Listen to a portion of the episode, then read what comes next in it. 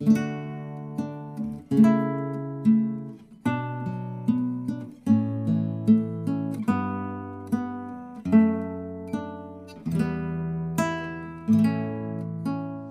دايما العقل لوحده هو القادر على الاحتفاظ بالذكريات.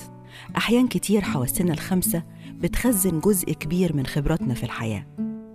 حاجات شفتها أصوات سمعتها أو أشياء لمستها ممكن تستدعي في لحظة مواقف وبشر وأزمنة.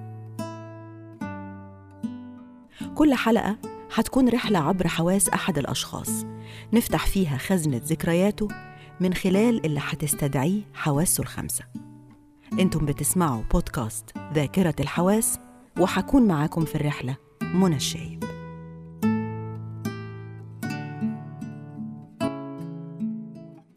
صحفي وأستاذ جامعة ومعد وأحيانا مقدم برامج تلفزيونية وإذاعية وكاتب وناشر للأطفال. تقدر تقول كده توليفة إنتاج محتوى فكري لكل الأعمار. ينتمي لجيل بذل جهد أكبر للوصول للمعرفة وروح الفضول والشغف كانت صاحبة الفضل عليه على مدى مشواره ولغاية دلوقتي. رحلتنا النهاردة مع ذكريات حواس الكاتب الصحفي الدكتور محمد فتحي. أحيانا القدر بيرسم لك طريقك من غير ما تكون عارف. تتعلق بحاجة من بدري تتشد ليها وبعدين تكتشف إنها هتصاحبك بقية حياتك.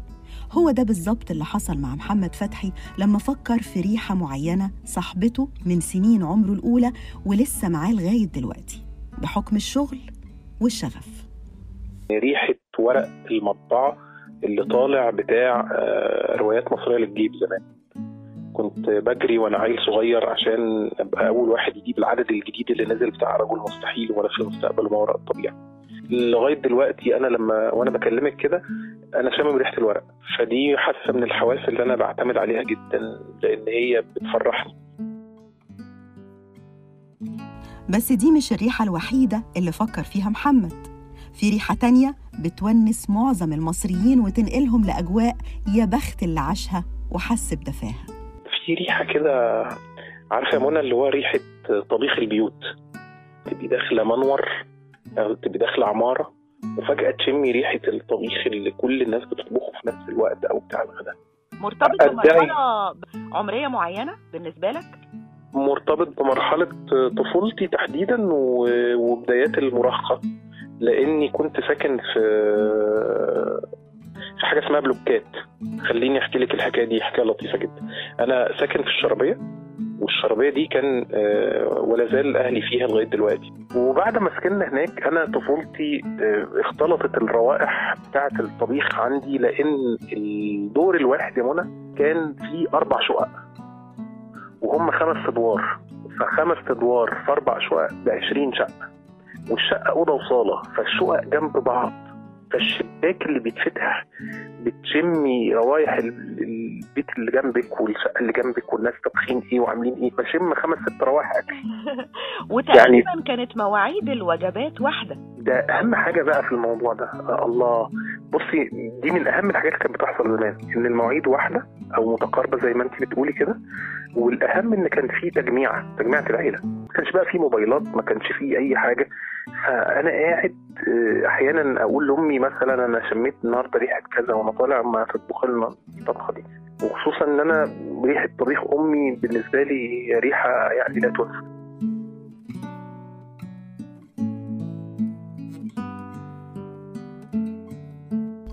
أصوات الطفولة كلها صخب وبراءة وحماس. ما بالك بقى بأكتر وقت في اليوم بتختلط فيه الأصوات دي وتتحول لجزء أساسي من المخزون السمعي لكل حد فينا. صوت طابور المدرسة. وأنا كنت ساكن في البلوكات اللي أنا بقول لك عليها ديت بص على مدرستي. مدرسة الشهيد مصطفى الطباخ الابتدائية في الشربيه فأنا قاعد في البيت من قبل ما أخش المدرسة وسامع كل يوم الطابور. ولما باجي انزل أنا اللي بروح الطابور وأنا اللي ببدأ اليوم كله وكنت أنا اللي بمشي ال- ال- الطابور والمدرسة صفا ومدرسة انتباه وأعمل التحيه العلم وأعزف وأقرأ قرآن و... فالأصوات اذاعه مدرسيه كاملة. لوحدي. آه، أو عارفة انت المثل الشهير بتاع مدرس فرنساوي لغاية لما يجيبوا مدرس فرنساوي؟ أيوة،. ففي اليوم اللي بتاع الجرايد ما بيقراش فيه الولد اللي بيقرأ الجرايد كان عندنا شوفي الجمال. كانت الاذاعه المدرسيه زمان بيقروا عناوين الأخبار. حد يجيب الجرايد ويقرأ. ومن جريدة الجمهورية نقرأ الخبر التالي ويروح قايل الأخبار. ومن جريدة. يجيب كذا كذا جورنان. أيام ما كانت في سطوة للجرائد الورقية. فالصوت بتاع الأطفال ده اللي في الميكروفون اللي هو دايما بايظ بس أنت بتحبيه.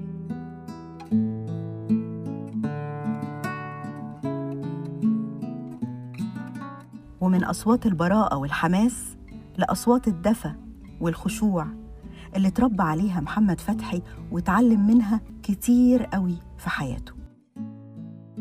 في الأصوات بقى اللي أنا ما أقدرش أنساها فعلا هي لعبة كان بيلعبني بي- بيلعبهاني أبويا ربنا يديله الصحة. هي لعبة آه، مين اللي بيقرأ ده؟ لأن بابا كان آه، ولا يزال لو فتحت إذاعة القرآن الكريم هيقول لك اللي بيقرا ده هو مين حتى لو من الجيل الجديد. ايا كان قديم أو جديد آه، من أيام الشيخ رفعت آه، وصولا لمحمود الشحات أنور. ده كان يجيب الشريط ويسمعني ابتهالات الشيخ نصر الدين طبار وهو مش قايل لي هو مين. فأعرف إن ده نصر الدين طبار. من نداك تروي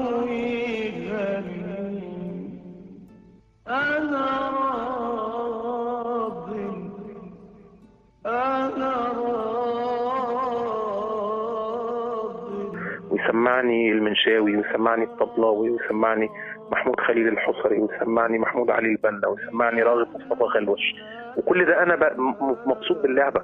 اللي هو يجيب لي حد في وسط الآية ويقول لي مين ده؟ أدعي إن جزء كبير من حبي للغة العربية كان بسبب إني سمعت كويس جدا الأصوات دي من صغري وكنت شايف كل واحد وأسلوبه عامل إزاي لدرجة إن أنا كنت بقرأ قرآن في المدرسة. افتتح الإذاعة كمقدم برامج. وبعدين أنا يعني أقدم نفسي أقول والآن مع تلاوة من الذكر الحكيم بصوت الطالب محمد فتحي. أنا أروح قاعد بقى وأروح فجأة أروح مربع إيديا وأروح قاعد على على على الكرسي وأروح قاري القرآن.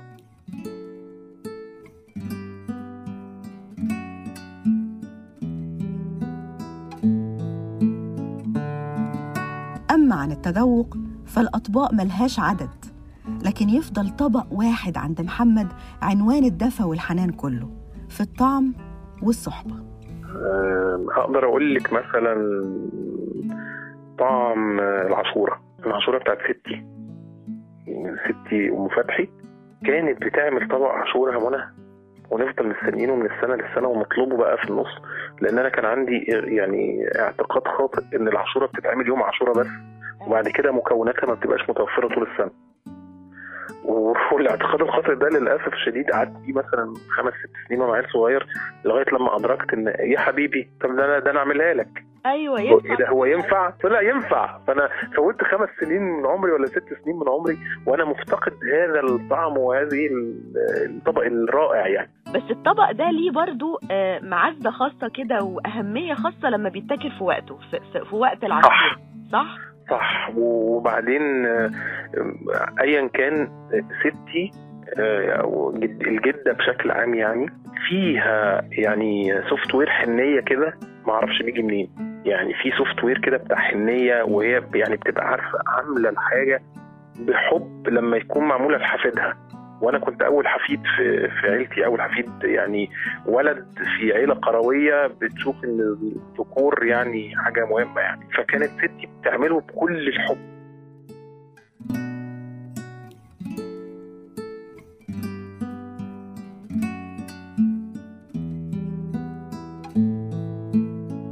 بنلمس كل يوم آلاف الأشياء ويفضل ملمس الحبايب عايش في طراطيف صوابعنا. ما بالك بقى لو كان ملمس أعز الناس؟ ملمس بتاع وش ابني الكبير. عندي ابني الكبير دلوقتي في ثانوية عامة. لما بلمس وشه بفتكر أول لمسة لمستها لي يعني أول لمسة لمستها لي أول ما اتولد أنا حضرت ولادته. آه، جات له صفرة ووديته الدكتور غلط وفي الآخر أذاه بمعنى كلمة أذاه. وبعد ما أذاه يعني آه، الولد كاد أن يضيع مني يعني لأن الصفرة ارتفعت عنده لمرحلة صعبة جدا جدا جدا تطلبت نقل دم وحاجات كده. يعني أنا ليلة سبوع اللي هو أنا خلاص الناس جاية بكرة عشان يحضروا السبوع وعاملين عقيقة وحاجات كده الولد دخل المستشفى. اللمسة اللي لمستها له اللمسة اللي كنت بلمسها الوش والصباع وقبل ما أسيبه وده أول فراق يعني فراق صعب شوية. إن أنا في ليلة ليلة سبوع يروح يسيبني وداخل المستشفى. فكانت حاجة صعبة جدا.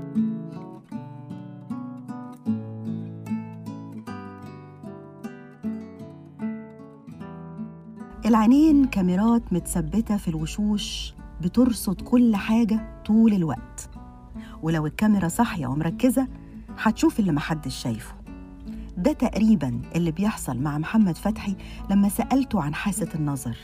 اللي تحولت مع الوقت لأداة للرصد والتأمل. والله آه، مش حاجة بعينها لكن آه، أنا بحب أبص على وشوش الناس. فأول لما ببص على وشوش الناس بفتكر آه، بفتكر قصص ما اتكتبتش. يعني في تدريب كده كنت بعمله لنفسي أحيانا كده لما عاوز أكتب وألاقي عندي بلوك في الكتابة إن أنا أبص لوش حد. فأول لما ببص لوش الحد أفضل أسأل نفسي الأسئلة. والراجل ده بيضحك على إيه؟ أو مكشر ليه. طب هو ممكن يكون ساكن فين؟ طب هو ممكن يكون عنده كام سنة؟ هل ده سنه الحقيقي ولا الهم اللي شايله ولا الفرح دوت فرح مزيف؟ فأفضل أبص على التفاصيل الصغيرة دي لغاية لما أوصل لمرحله من المراحل أبقى حاسس فيها وكأني هذا الشخص. ومحتاج أتكلم معاه ومحتاج أصاحبه ومحتاج أطبطب عليه لو مكشر ومحتاج أضحك له لو هو بيضحك. فدي من الحاجات اللي أنا بحبها جدا. أنا بحب الناس جدا وبحب أبص لهم أبص في تفاصيلهم.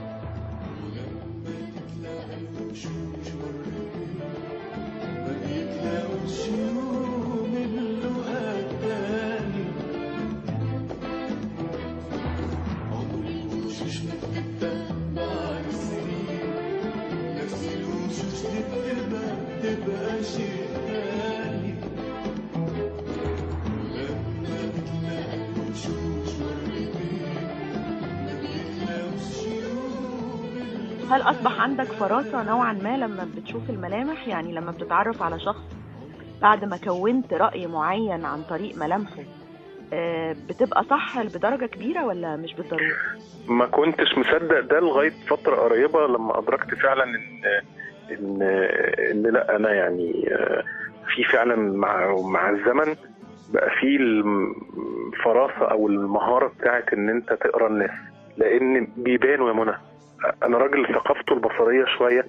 كانت ثقافة بصرية تعتمد على آه، مشاهدة الأفلام الأبيض والأسود وقراءة قصص الكوميكس. فقصص الكوميكس بالنسبة لي كنت بشوف فيها التعبيرات الوش المختلفة اللي هي بقى زي ما بيقولوا كده إيه ال pure. اللي هو اللي بيضحك الضحكة ال- آه، ضحكة ال- الفرح غير الضحكة الخبيثة غير الضحكة بتاعت الألم. تعبيرات واضحة جدا.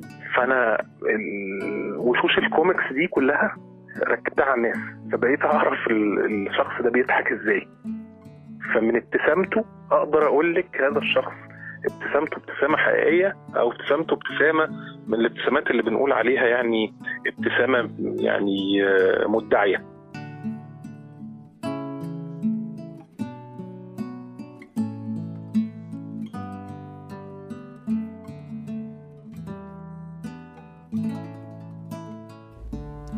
خلصت رحلتنا مع ذكريات حواس الكاتب الصحفي الدكتور محمد فتحي اللي اختلطت فيها مشاعر الطفولة مع الشباب مع النضج وأصبحت كل المراحل عايشة مع بعضها طول الوقت.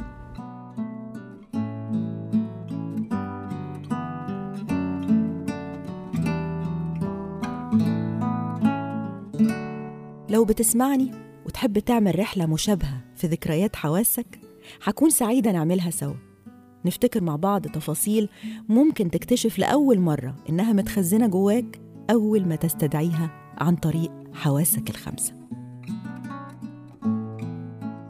كانت معاكم في الرحلة منى الشايب وانتوا بتسمعوا بودكاست ذاكرة الحواس.